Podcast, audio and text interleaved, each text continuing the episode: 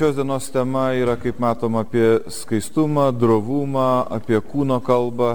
Tai akivaizdžiai susijęs su žmogaus litiškumu. Tai aš galvočiau, kad pirmą paskaitos dalį mes kalbėtumėm tokiu krikščioniškos antropologijos aspektu, kad mes pamatytumėm žmogų ir jo litiškumą, pamatytumėm, kaip jisai turėtų tą litiškumą integruoti į savo asmens gyvenimą ir kam reikalingas tas drovumas būtų visai tinkama, kalbant apie litiškumą, paliesti tą temą, kuri šiandien tokia aktuali patapo. Kaip jūs žinote, dabar tapo tokių politinių diskusijų objektų, būtent dėl to Lietuvoje atvejo su lyties keitimu ir kas tai per reiškinys ir kaip reikėtų, kokia turėtų būti mūsų pozicija būtent šito klausimu.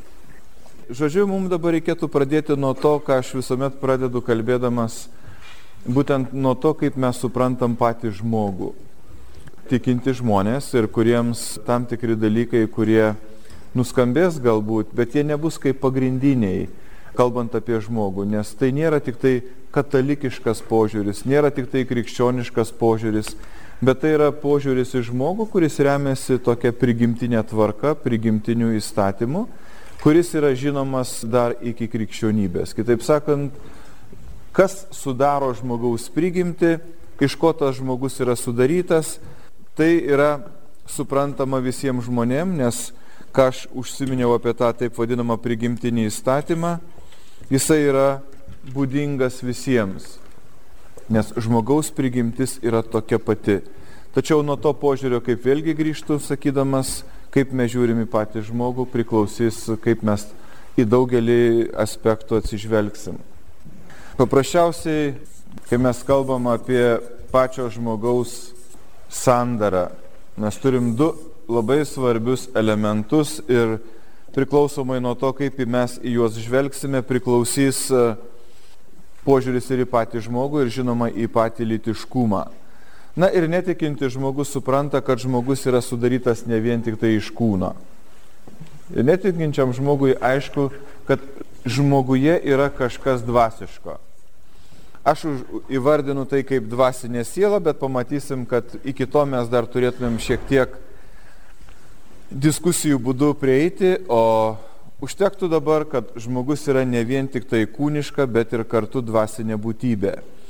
Tuomet natūraliai ir kyla klausimai, ar galima būtų sakyti, kad e, žmogus yra tik tai tai, ką mes suprantam kaip dvasinį pradą, ar žmogus yra tik tai tai, kas yra kūnas, ar žmogus užbėgdamas dabar už akių nori pasakyti, jis yra būtent šitų abiejų dalykų vienis. Kitaip sakant, kūno ir dvasinės sielos nedaloma vienovė.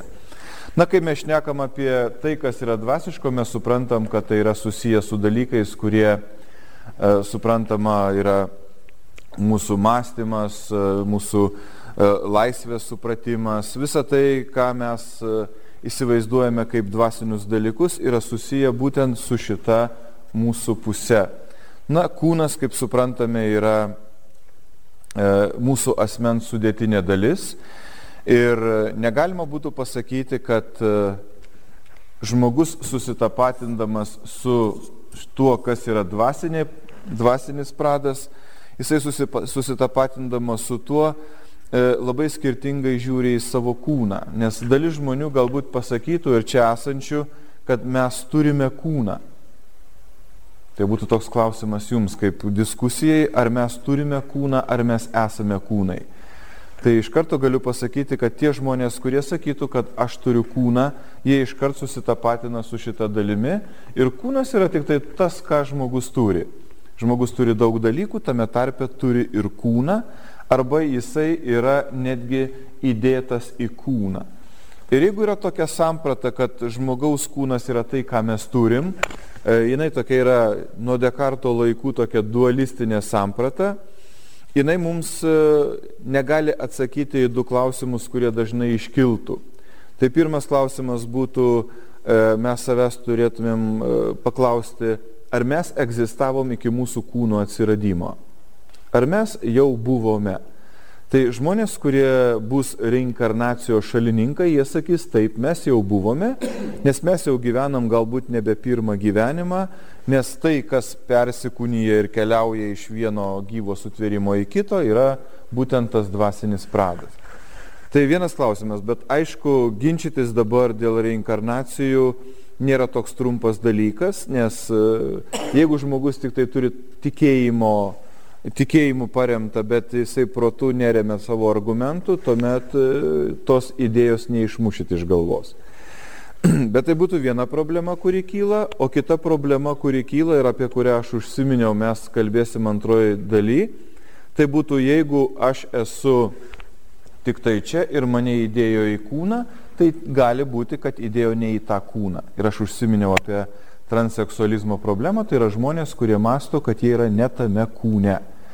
O kaip yra iš tikrųjų, tai reikėtų klausti, tiesiog kreiptis į tokių protų, proto argumentus.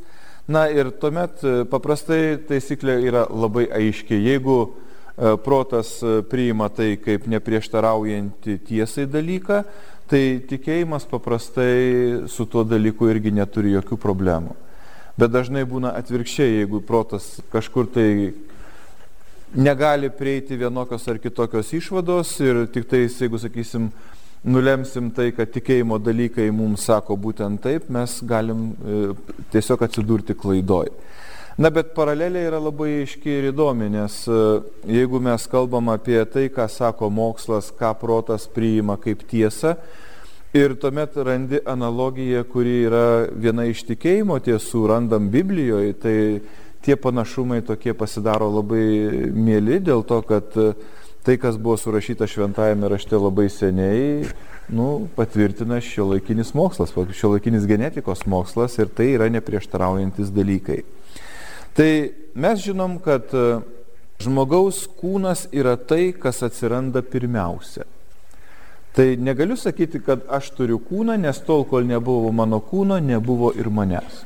E, į tą gali atsakyti būtent šiandieninis mokslas, na, kaip mes visi atsiradom, mes e, šitą dalyką žinom, dar šitoje auditorijoje nereikia e, labai laužyti galvos, kaip mes atsiradom, visi atsiradom tokiu pačiu principu, nes tikiuosi, kad čia dar tikrai nėra ne vieno žmogaus atsiradusio mėgintuvėlyje, o juo labiau nėra ne vieno klonuoto žmogaus. Visi mes atsiradom, kada mūsų mamos ir mūsų tėčiai išreiškė meilę vienas kitam ir jų litinės lastelės susiliejo ir susidarė ta lastelė pirma žmogaus, su, nuo ko jisai ir prasidėjo, mes turim zigotą. Aš visada nuo tos schemos pradedu dėl to, kad jinai padeda mums suprasti daugelį dalykų, kalbant apie žmogų, tame tarpe ir apie žmogaus litiškumą. Tai jeigu mes kalbam, kad žmogus atsiranda būtent tokiu būdu susidaro zigota ir lygiai toks pats aiškinimas yra šventajame rašte. Mes visi žinom Adomo ir Jėvos atsiradimo istoriją, kaip buvo atsirado Adomas ir kaip atsirado Jėva. Tai Dievas nulipdė žmogaus kūną, tai yra Adomo kūną ir tik tai po to įkvėpė kvapą. Kitaip sakant, po to jisai įkvėpė ir štai turėjom Adomą. Bet pirma kūnas, o kūnas nebuvo kokios neutralios giminės, jau buvo adomiškas kūnas, vyriškas kūnas ir atsirado Adomas. Nu, su Jėva ten buvo truputėlį istorija kitokia, bet jinai įdomumo dėlė, aš jums pasakysiu, jinai labai yra įdomiai interpretuoti galima. Tai ten buvo pasakyta, kad paėmė šonkaulį, nulipdė kūną, bet vėlgi ta pati istorija. Pirma kūnas nulipdytas Jėvos kūnas, ne vėl kokios nors neutrum giminės, bet moteriškas kūnas, ir Dievas įkvėpė jai savo kvapą. Atsirado Jėva. Na, šitoje istorijoje yra hipotezė, kurią jūs galite savo įrodinėti. Įdomumo dėliai galiu tik tai pasakyti, kad ji patinka ir studentam. Tai tas pasakojimas apie Adomą ir Jėvą gali sukelti prieštaravimą, nes sako, visi vyrai turi 12 šonkaulių. Na, šventas raštas yra graži pasaka, graži istorija, bet tai yra netiesa. Na, jeigu vyrai turi 12 šonkaulių, na vis tiek kvestionuoti, kad šventas raštas e, ten kažką neteisingai rašo, nu, švelniai tariant, ne, nepadoru. Tai tada natūraliai, logiškai galvojant, jeigu netrūksta šonkaulio, tai vyram vis tiek kažko turi trūkti. Na, vis tiek Dievas sako, kažką paėmė iš vyro. Na, moteris čia labai smarkiai nesigilina ir nevargsta ieškodamas, ko vyram galėtų trūkti. Ne, tai iš jo kūno ko trūksta. Tai iš ką paėmė iš to vyro ir ko jam trūksta. Na, dažnai moteris ima čia apie šitą sritį galvoti, sako, nu netrūksta nei kitokios kūno dalies netrūksta, bet, na, pasverk dabar. Na, sako, kad ko gero trūksta čia galvoje jiems. Ir jos pritarė tam labai vieningai. Bet jūs pasižiūrėkite, iš tiesų įdomu yra tai, kad jūs žinote, kad chromosomos, kurios apsprendžia lyti, Tai yra 23 chromosomų pora, tai yra, jūs žinote, kad tai yra moteriška lytis, o čia yra vyriška lytis. Na ir kai pasižiūrėtumėt, e, iš tiesų, nu, vyrui trūksta, matote. Čia iš tiesų tokia yra dalelė, kuri chromosomos, taip kaip žinote, yra elektroninė mikroskopija, jos taip ir atrodo, tik ne dėl to, kad surašyta raidėmis, bet, na, Y trūksta. Tai va, jeigu pasižiūrėtumėm, iš tiesų reiškia šventas raštas tą šonkaulį supranta būtent šitą prasme. O kiek žmonėm reikėjo e, nugyventi tūkstantmečių, kad jisai galėtų surasti chromosomą ir pamatyti, kad vyrui tikrai trūksta. Bet čia yra hipotezė, galite ją priimti, galite nepriimti. Bet dabar štai turime argumentą, kuris sako, kad pirma yra kūnas ir po to yra dvasinis pradas. Lygiai tą patį sako šventas raštas, lygiai tą patį sako mokslas. Nėra atvirkščiai. Taigi dabar jeigu mes sakom, kad žmogaus kūnas ir dvasinė siela yra kartu, tai negalime sakyti, kad žmogaus kūnas yra tai, ką aš turiu. Tai jeigu mano kūnas yra mano kaip asmens dalis, su mano kūnu susijęs litiškumas yra mano kaip asmens dalis, su litiškumu susiję viena savybė yra vaisingumas yra asmens dalis arba asmens išraiška. Tai nėra vien tik tai kokia nors fiziologinė funkcija, taip kaip skrandžio rūkštingumas arba koks nors cukraus kiekis kraujyje. Tai yra dalykai, kurie apsprendžia mane kaip asmenį. Taigi logiška ir teisinga ir atitinka krikščionišką sampratą žmogaus, kad mes esame kūno ir dvasinės sielos neišardoma vienovė. Tai dabar jeigu mes kalbam ir mūsų dienos tema yra daugiau litiškumo tema, mums būtų svarbu suprasti e, žmogaus litiškumo e, prigimtinės dvi dimensijas arba tiesiog egzistenciškai žmogui svarbes žmogaus litiškumo dimensijas. Kam žmogus sukurtas litiškas? Kam žmogus yra kūniška litinė būtybė ir kaip jisai turėtų integruoti litiškumą į savo kaip asmens gyvenimą. Na, yra dvi tokios kylančios iš žmogaus litiškumo dimensijos, kam mes esam tokie sutverti. Tai pirmas dalykas, kad mes esam, čia kažkuri iš jūsų sakėt, kad e, būtų susijęs su tuo, kad tai yra meilės perdavimui reikalinga, kad žmogus tokiu būdu yra perdoda meilę, tai būtų meilės perdavimas. Tai būtų tai, kad e, ir mes kalbėsim, kas tai yra ta kūno kalba, meilės perdavimas, kuris susijęs su tuo, kad e, e, žmonės tapdami vienu kūnu, du asmenys, tai yra vyras ir moteris, tapdami vienu kūnu, jie tokiu būdu perdoda meilę. Tai būtų, o kitas yra dalykas, tai yra gyvybės perdavimas. Tai yra, kaip matom, du, du tokie E, dvi tokios dimensijos, kurios yra iš žmogaus litiškumo, bet jos yra viena dėl kitos ir skirtos. Tai jeigu dabar žiūrime, kad e, žmogaus litiškumas yra susijęs su tom tokiom dviem dimensijom, pasakykit dabar, kuri labiau meilės perdavimas su kuo yra labiau susijęs, su šita dalimi ar su šita dalimi, su dvasiniu pradu ar su, kūn, su kūnišku tik tai elementu. Nu, bet jeigu sakot myliu, tai jūs mylit kaip? Tai savaime suprantama, kad čia daugiau yra lemiantis tas, ką mes sakom, meilė. Na, visi supranta, kad tai yra dvasinės, dvasinis dalykas. Tai tas būtų daugiau susiję, kaip matom, su šita dalimi. Gyvybės perdavimas, su kuo susijęs? Jau čia šnekėjimo neužtenka. Tai suprantama, kad tai yra susiję su kūnu. Bet dabar pasižiūrėkime, jeigu sakom, kad žmogus yra neišardoma kūno ir dvasinio to prado vienovė, tai savaime suprantama, mes į šituos du dalykus turim žiūrėti taip pat neišardomai. Tai yra vienas dėl kito skirti dalykai ir viens be kito, kaip čia tas nuo to negali egzistuoti, šitas dalykas nuo to negali egzistuoti. Bet žiūrėkime, kokia šiandieną yra vyraujanti e, pozicija arba bandoma ją padaryti vyraujančią, tai būtent, kad e, šitie du dalykai neturi būti kartu ir jie nebūtinai turi būti kartu ir dar daugiau į gyvybės pradė perdavimą, į šitą savybę, į šitą dimenciją yra žiūrima kaip į grinai biologišką. Nusako, visi gyvūnai perdoda gyvybę būtent tokiu pačiu būdu. Tai kuo čia dabar žmogus skiriasi nuo gyvūno? Vasako, meilę perduoti gali tik tai žmogus, bet e, šitas dalykas, nu tai kažkas tokio gyvūniško, gyvuliško ir kalbant apie žmogų apie, kaip apie asmenį, na šitas dalykas yra švelniai tariant mažiau svarbus arba jisai yra toksai subasmeninis, kitaip sakant, asmeniui nebūdinga savybė. Na, kas iš tokių dalykų kyla? Jeigu mes tik išaukštinam tą meilę, aš tiesiog galvoju, kad jūs prisimenat dar tokias būdavo laidas su Nijolė Auželytė, korida būdavo. Ten tokia buvo tipinė dualistė, kuri sakydavo ne vienoj laidoj, kad mes kalbėkime apie meilę, bet nekalbėkime apie tai, kas yra žemiau juostos. Kitaip sakant, kas yra tai, kas visiems gyvūnam būdinga ir tai yra tiesiog nu, nepadoru net kalbėti. Tai iš to sampratos ir kyla, kad mes išaukštinam tą meilę, o nuvertinam vat, šitą būtent elementą.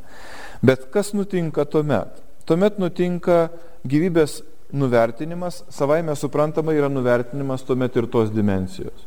Jeigu sakom, jos turi būti kartu ir jeigu tu nuvertini šitą, tu iš karto nuvertini šitą dalyką. Bet kas nutinka tuomet, tai mes sakom, kad, na, jeigu taip mediciniškai išnekant, e, žinom, tokia bloga lyga kaip šizofrenija, sako suskilęs protas, suskilęs mąstymas.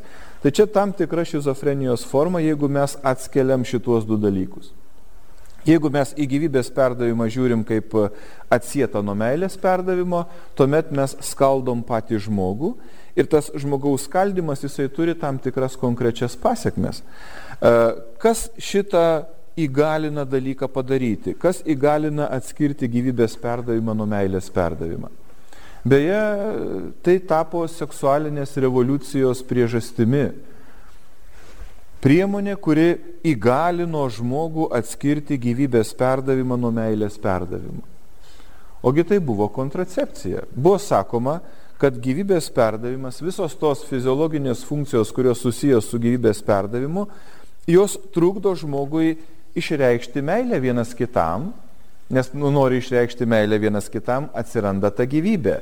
Ir kaip žinome, nemažai tai buvo trukdis mylėti kitą žmogų, nes atsirandanti gyvybė iš tiesų buvo nepageidaujama pasiekmė, o kadangi e, meilę perduoti norisi, gyvybės perduoti nesinori, tai žmonės buvo savotiškai e, pasijuto esantis įkalinti savo kūnų Kitaip sakant, kūnas tapo kliūtimi bendrauti, nes atsiranda štai tai, ką mes įvardinam naujos gyvybės atsiradimą, tai buvo kaip nu, komplikacija. Trūkdė žmonėm vienas kitą mylėti. Be štai atsiranda kontracepcija, gali dabar mylėti kaip nori, kiek nori, bet gyvybės perdavimo nėra. Tai atrodytų, nu, žmonės pasijuto labai laisvi, bet kokios iškilo problemos, su kurio mes dabar susidurėm šiandieną. Na, jeigu nėra gyvybės perdavimo, vienas dalykas, ko nereikia, tai nėra būtinumo ir šeimos kurti. Nu, paprastai visi suprantam, kad e, šeima yra ta vieta, kur vaikam aukti yra geriausia terpė, kur vaiko prigimtinė teisė sako, kad jisai turi būti pradėtas ir gimti e, šeimoje, turi turėti abu du savo tėvus. Tai yra vaiko prigimtinė teisė - gimti santokoje ir turėti abu du tėvus. Bet dabar jeigu nėra e, to vaikelio atsiradimo galimybės, nėra būtinybės kurti santoką, tu gali gyventi su kuo tau patinka, kitaip sakant, su kuo daugiau žmonių tu bendrausi, su kuo daugiau žmonių tu sugebėsi perduoti meilę, tu tuo būsi daugiau asmenių. Kitaip sakant, tu būsi, e, na, tikrai žmogus, kuris geba mylėti. Tai vienas dalykas - santoka ir tas santokos kūrimas mes dabar žiūrim, kad jisai iš tiesų nemažai žmonių atrodo, nu ir nebūtinas. O kam kurti šeimą, kam, kam tuoktis? Ir kitas dalykas, jeigu, žiūrėkim, nėra gyvybės perdavimo, visiškai nesvarbu, kad žmonės, kurie nori e, išreikšti meilę vienas kitam, nebūtinai, kad jie būtų skirtingų lyčių. Tai jeigu nėra gyvybės perdavimo, tai tikrai žmonėm nebūdinga savybė pagal tokį supratimą, o žmogui būdinga tik perduoti meilę, tai tos pačios lyties asmenys sako, mes perdodam meilę, mes mylim vienas kitą. Ir jeigu nėra gyvybės perdavimo, tada čia viskas tvarkoji, nėra jokios problemos. Bet iš principo e, pagal tai, kas yra žmogus, kad jis yra kūniška ir dvasinė būtybė kartu, mes turim suprasti, kad šitie dalykai negali eiti skyrium. Na ir galima būtų pasakyti tokią frazę, kuri atspindi kai kurių problemų šiandieną egzistavimą. Sakoma, negali būti meilės be vaikų ir negali būti vaikų be meilės. Nes jeigu jie yra kartu, jie turėtų kartu ir būti. Ką reiškia negali būti meilės be vaikų? Na, kitaip sakant, visa tai, ką mes darom, kad nebūtų gyvybės perdavimo tuo metu, kada žmonės jungiasi į vieną kūną. Na čia būtų kontracepcija, visi dalykai, kurie užkerta kelią naujos gyvybės atsiradimui. Meilė be vaikų. Na, kas galėtų būti tas, kad negali būti vaikų be meilės? Na, tai būtų visos tos dirbtinės technologijos, kada žmogaus gyvybė užsimesga visiškai be jokio meilės perdavimo. Užsimesga laboratorijoje, kur dirba žmonės techninį darbą ir panašiai. Ten nėra jokio ryšio su meilės perdavimu. Tai akivaizdu, kad problemų mes daug galim kildinti iš to, jeigu mes į gyvybės perdavimą žiūrime atsietai nuo meilės perdavimo. Na, čia tokios kraštutinės būtų teorijos, feministinės teorijos, kurios į gyvybės perdavimą žiūri kaip į moters pažeminimą. Ir kartais jūs galite išgirsti, kad e, gimdymas, vaiko žindimas, tai yra kas moterį žemina, nes, na, kaip viena tokia išsireiškia moteris, sako, Moteris, kuri žindo vaikelį, man panašiai į karvę, kuri žindo veršelį. Tai man kažkaip žema žiūrėti, kaip moteris gali taip žemai nupulti. Kitaip sakant, jin tampa va, kaip tas gyvūnas, kuris maitina savo vaiką. Na, savai mes suprantama, kad e, protingai galvojančiai e, auditorijai arba daliai dideliai žmonių toks dalykas nesuprantamas. Visi supranta, kad tai yra gėris. Tai štai iš tos pozicijos mes išeinam, kad žmogaus kūnas yra visuomet žmogui gėris, litiškumas žmogaus visuomet yra gėris ir vaisingumas visuomet yra gėris. Na visi suprantam, kad vaisingumas yra gėris, yra sveikata, yra Dievo dovana, jeigu norite, O atvirkščiai, jeigu nėra vaisingumo, nėra gyvybės pradėjimo, tai yra suprantama kaip nesveikata arba suprantama kaip blogis ir jeigu skaitom šventą įraštą, tai buvo kaip tokia kaip ir Dievo bausmė. Senajam testamente taip traktuodavo. Tai mes kalbėjom daug apie žmogaus litiškumą, tai čia aš tik tai trumpam norėčiau priminti, kad e, kaip suprantama, žmogaus litiškumas apima daugelį dalykų. Tai jeigu pasakom žmogaus litiškumas, tai ne tas pats, kas lytis vien tik tai pasakius, kad tai būtų, kaip matome, dažniausiai galvojama apie anatominę lytį. Tai anatominė lytis tai yra tik tai išoriniai vidiniai lyties organai, jų funkcijos. Prie anatominės lyties galėtumėm priskirti ir pačią biologinę lytį, kaip žinom, tas chromosominis nulemimas žmogaus lyties. Ir anksčiau įdomus faktas yra toks, kad e, dar kai aš studijavau ir man atrodo dar gydytojai kolegos, kurie studijavo dar ir prieš keletą metų, mes buvom mokomi, kad e, žmogus iš pradžių yra abiem lytim, turi abiem lytim būdingus požymius ir tik tai nuo tam tikro laikotarpio ima dominuoti viena, regresuoti kita ir žmogus tampa vienos ar kitos lyties asmeniu. E, tačiau naujausi tyrimai jau tą dalyką paneigė Ir šiandienos e, moksle aiški pozicija, kad berniukas ir mergaitė yra nuo apvaisinimo momento. Tai nėra, kad esi neutralios giminės vos ne, arba abiem lytim būdingas e, turi liaukas ir, ir, ir tik viena kuri nors paskui regresuoja, tai yra netiesa. Mes esame vyrai arba moteris nuo pat apvaisinimo momento. Na, suprantama, kad žmogaus anatomija, biologija yra susijusi su savimonė. Koks yra tas lyties identitetas? Paprastai, kad buvimas mergaitė ar berniukų savaime suprantama yra susijęs su tam tikrais dalykais, kad yra kaip pats vaikas suvokia, kaip jis yra mokomas, koks yra elgesys ir aišku, tą elgesį gali įtakoti daug kas. Ir šiandieną mes matom, kad labai daug įtakoja žiniasklaida, kultūra ir, ir draugai ir panašiai.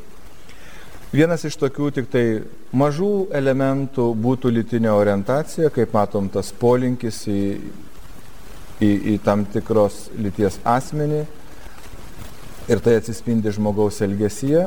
Noriu pabrėžti čia kalbėdamas ir vėliau kalbėsiu, kad nėra jokių įrodymų, kad tai yra genetiškai nuspręsta arba yra paveldėta. Na ir seksualinė intencija paprastai yra suprantama apie tai, kad žmogus būdamas kūniška litinė būtybė, e, kaip jisai išreiškia savo litiškumą. Normaliai tai turėtų būti meilės išreiškimas. O jeigu tai yra susijęs su visokiais kitokiais dalykais, e, vien tik tai dėl malonumo arba ten, kaip mes žinome, visokios nukreipimus nuo to, kad tai yra nemeilės išraiška, tai yra tas vadinamas seksualinės intencijos dalykas. Bet dabar mūsų temos, temos dalykas aptarti vieną iš e, reiškinių, o, kaip matome, yra transseksualizmo reiškinys. Čia paimta ištrauka iš pasaulinės sveikatos organizacijos apibrėžimo. Ir ten yra klasifikacija lygų ir, kaip matome, kodas ir šifras transseksualizmo. Na ir pasižiūrėkite, kaip jis yra apibūdinimas. Reiškia, kad yra apibūdinama, jog tai yra žmogus, kuris trokšta gyventi kaip priešingos lyties atstovas, jis yra nepatenkintas savo anatominė lytimi. Bet kas yra įdomu šitame apibrėžime, pasižiūrėkite, į lygos apibrėžimą jau yra įdėta, kad nori atlikti chirurginę operaciją ir gauti hormoninį gydimą. E, iš tiesų tas apibrėžimas toks yra įdomus, nes kitų lygų apibrėžimuose nėra, ko ligonis nori, kokio gydimo. Nori hormonų, nori operacijų, niekur nerašo. Yra lyga, kuri apibūdinama pagal tam tikrus kriterijus ir viskas. O čia jau yra kaip apibrėžimo dalis. Transseksualų žmonės, e, jie vadinami transseksualiais dėl jiem nustatomo taip vadinamo lyties disforijos sindromo. Nu, reikia už kažko užsikabinti, kad tą žmogų pavadinti transseksualiu. E, kaip matome, šitas apibrėžimas ir lyties disforijos e, Sindromas aprašytas būna visuomet psichiatrijos vadovėliuose. Diskusijose kyla klausimas, ar tie žmonės yra psichiškai sveiki ar nesveiki. Bet kaip dažnai yra reikalinga kalbėti politiškai korektiškai, tai niekas jų nevadina psichiniais ligoniais. Bet literatūroje autoriai, išvengdami to nekorektiškumo, sako, jog tai yra paribyje su psichikos patologija kitaip sakant, ant ribos. Nesako, kad tu jau už tos ribos, bet esi prie ribos. Bet e, man patinka toks palyginimas e, e, mokslininkų su žmogaus, transseksualaus žmogaus norais ir realios padėties nesupratimu, kai būna anoreksijos atveju. Žinot, anoreksija, kada atrodo, kad esi per storas ir badauji tol, kol nusibadauji negyvai. Tai anoreksikai jie ir ant mirties slengščio vis tiek dar galvoja, jog yra per stori. Nors jau ten nieko nebėra iš jų. Kitaip sakant, tai yra toks užsideterminavimas ir šitoje situacijoje lygiai tas pats. Jie nieko daugiau nenori nei girdėti, nei daryti, tik tai tapti kitos lyties žmogumi. Na, jiems nustato tą vadinamą lyties disforijos sindromą. Yra tam tikri požymiai, pagal kuriuos yra šitas sindromas nustatomas. Tai neįsigaskite, jeigu kokį vieną arba kitą pritaikysit savo, nepulkite paniką. Čia jie turi būti visi. Na, yra jaučiamas diskomfortas dėl anatominės lyties. Šitas diskomfortas yra suprantamas daug gilesnė prasme, kad netokia, kad čia maždaug nepatogu. Kaip su tais šokėjais, žinot, sako žmonės yra noras atsikratyti savo lytinių organų ir gyventi kaip priešingos lyties asmenį. Ir tas noras atsikratyti tikrai yra toks determinuotas, kad tie žmonės išgyvena tikrai didelės kančias, e, kartais ir save žaloja, ir ypatingai, kai brandimo laikotarpėje jau supranta, jog tai, apie ką jie galvoja, iš tikrųjų ir yra tiesa, e, tas juos labai kankina. Na, tokie reiškiniai tęsiasi daugiau kaip du metus. Kitaip sakant, tai nėra kokios nors nesėkmės e, padiktuotas noras patapti kitos lyties asmeniu, bet tai yra ne mažiau kaip du metus. Toliau neturi būti jokių genetinių anomalijų. Šitie žmonės yra fiziologinė prasme, somatinė prasme, jie yra sveiki žmonės. Jeigu galima iš viso kalbėti apie sveiką žmogų, nes jeigu mus čia visus patirinėtų, tai surastų to, ko mes net neįsivaizduojam. Tik atrodo mums, kad esam sveiki, bet iš principo jiems bent jau negali surasti kokios nors problemos. Pavyzdžiui, genai pas juos e, viskas tvarkoj, visos funkcijos yra tvarkoj, jie gali tapti tėvais, mamomis, maitinti savo vaikus, gimdyti ir panašiai. Šitų dalykų jokių nėra. Ir čia reikėtų pasakyti, kad e, mes neturim painioti šitų asmenų su kitais asmenim, kurie gimsta su sklaidos trūkumais, abiem lytim būdingais požymiais ir, ir, ir netgi organais. Tai būtų hermafroditai. Jūs girdėjote apie tokį dalyką. Hermafroditai yra tokie žmonės, kurie gimsta su abiem lytim būdingais požymiais, lytiniais požymiais ir organais. Tačiau jie vis tiek yra arba vyrai, arba moteris, bet skirtingai nuo transseksualių asmenų, jie yra nevaisingi iš prigimties. Tai tokiem žmonėm reikia pagalbos ir, opera, ir operuoti, ir hormonais, ir auklėti, ir visa kita, suprantamas dalykas, bet Lietuvoje ruošė tą įstatymo projektą, ten apie juos net neužsiminta nebuvo. Tai dabar nieks apie juos nešneka, bet šneka būtent apie žmonės, kuriems nėra tų sutrikimų, kaip matom. Na ir nėra diagnozuota kokia nors kita psichinė negalė. Pavyzdžiui, žmogus nėra diagnozuotas, kad serga šizofrenija. Nes jeigu šizofrenija sergantis žmogus sakys, kad dar ir lytis netinka, tai nieks nekreips į jį dėmesio. Tai va, jeigu yra tie visi kriterijai, sako, žmogus kenčia nuo lyties disforijos sindromo ir tai kančiai palengventi, kitaip sakant, užsimsim gydymu. Čia truputį istorijos tik tai paminėsiu. Apie šitą reiškinį palyginus netaip seniai yra pradėta šnekėti, nes e, pirmą kartą taip netiesiogiai buvo paminėtas 910 metais, kada buvo kalbama apie transvesticizmą. Jūs žinot, kad tas reiškinys yra kitoks negu transseksualizmas. Nes transvestitam yra būdingas tai, kad jie nori persirinkti kitos lyties drabužiais, bet jie nėra nepatenkinti savo lytimi. Nu, tai būna žmonės, kurie gyvena šeimose, užima visokias pareigas, nu, bet laiks nuo laiko nori padūkti, kitaip sakant, pasijausti gerai transvestito rolėje. Toliau buvo jau įkurtas institutas seksologinių tyrimų, Dabar pažiūrėkime, kaip yra su priešingos lyties hormonų skirimu asmeniui, kuris nori patapti kitos lyties asmeniu. Visų pirma, tai yra noras pakeisti lytį negali būti pripažintas klinikinė reikme. E, todėl, kad aš jums, kaip ir minėjau, tie žmonės yra fiziologiškai tvarkoj su jais. Jiem nieko su kūnu blogai nėra. Nes mes turim tikrai tokią va situaciją. Žmogus galvoja, kad jo kūnas yra ne tas.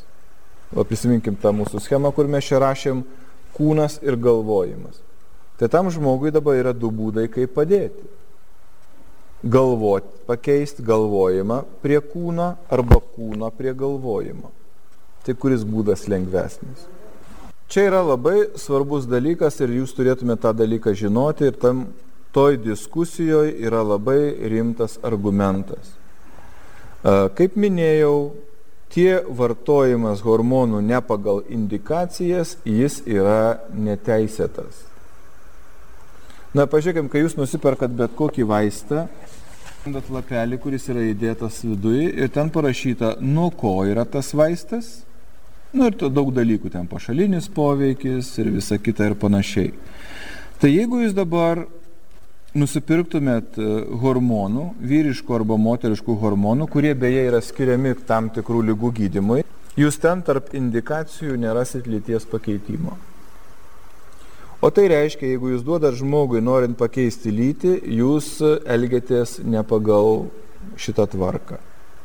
Dar daugiau, kaip pamatysim vėliau, kas yra kokie kiti dalykai būtent dėl šito ne pagal indikacijas naudojimo.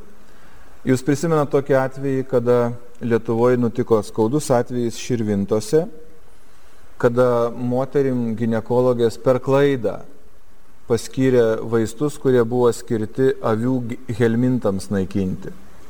Ten įvyko klaida, apmaudi klaida ir tos moteris e, turėjo labai sunkių komplikacijų dėl regėjimo. Ir tos gydytojos, kurios suklydo, jos buvo teisiamos, ten bilinėjimasis vyko ir panašiai, bet tai buvo per klaidą. Čia yra samoningai duodami vaistai ne pagal indikacijas.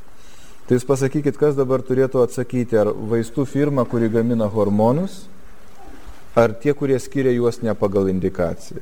Nu, akivaizdžiai kas. Ne, nu jeigu aš gaminu vaistą nuo, sakysim, nuo dantų skausmo, o jeigu jūs įvartosit nuo viduriavimo ir turėsit komplikacijų, tai ar aš gaminantis vaistą nuo dantų skausmo turėsiu bėdų? Tai ne.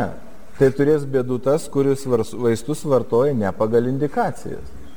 Tai dabar to farmakologinio budrumo tikslas ir yra užtikrinti, kad tie visi produktai būtų naudojami būtent pagal indikacijas. Jūs žinote, yra daromi klinikiniai tyrimai, ten įvairūs dalykai daromi, labai sudėtingas kelias, kol vaistas ateina iki priekybos tinklo. Yra ilgas, ilgas kelias. Šito kelio nenuėjo jokie transseksualūs asmenys, kad jiem būtų parodyta, jog tai yra efektyvų, nėra komplikacijų ir galima saugiai naudoti. Bet štai kažkas sugalvojo, kad taip galima. Toliau. Jeigu tu leidi vartoti vaistą netinkamai, aišku, į tą klausimą reikėjo iš karto atsakyti, ar įmanoma pakeisti lytį. Atsakymas labai aiškus. Pakeisti lyties neįmanoma. Ką galima pakeisti, tai tik tai požymius, bet tu negali pakeisti lyties. Lytis yra genetiškai determinuota. Suprantate, tiem žmonėms po lyties pakeitimo padarykite DNR ir jūs matysite, kad jie yra tos buvusiosios lyties atstovai.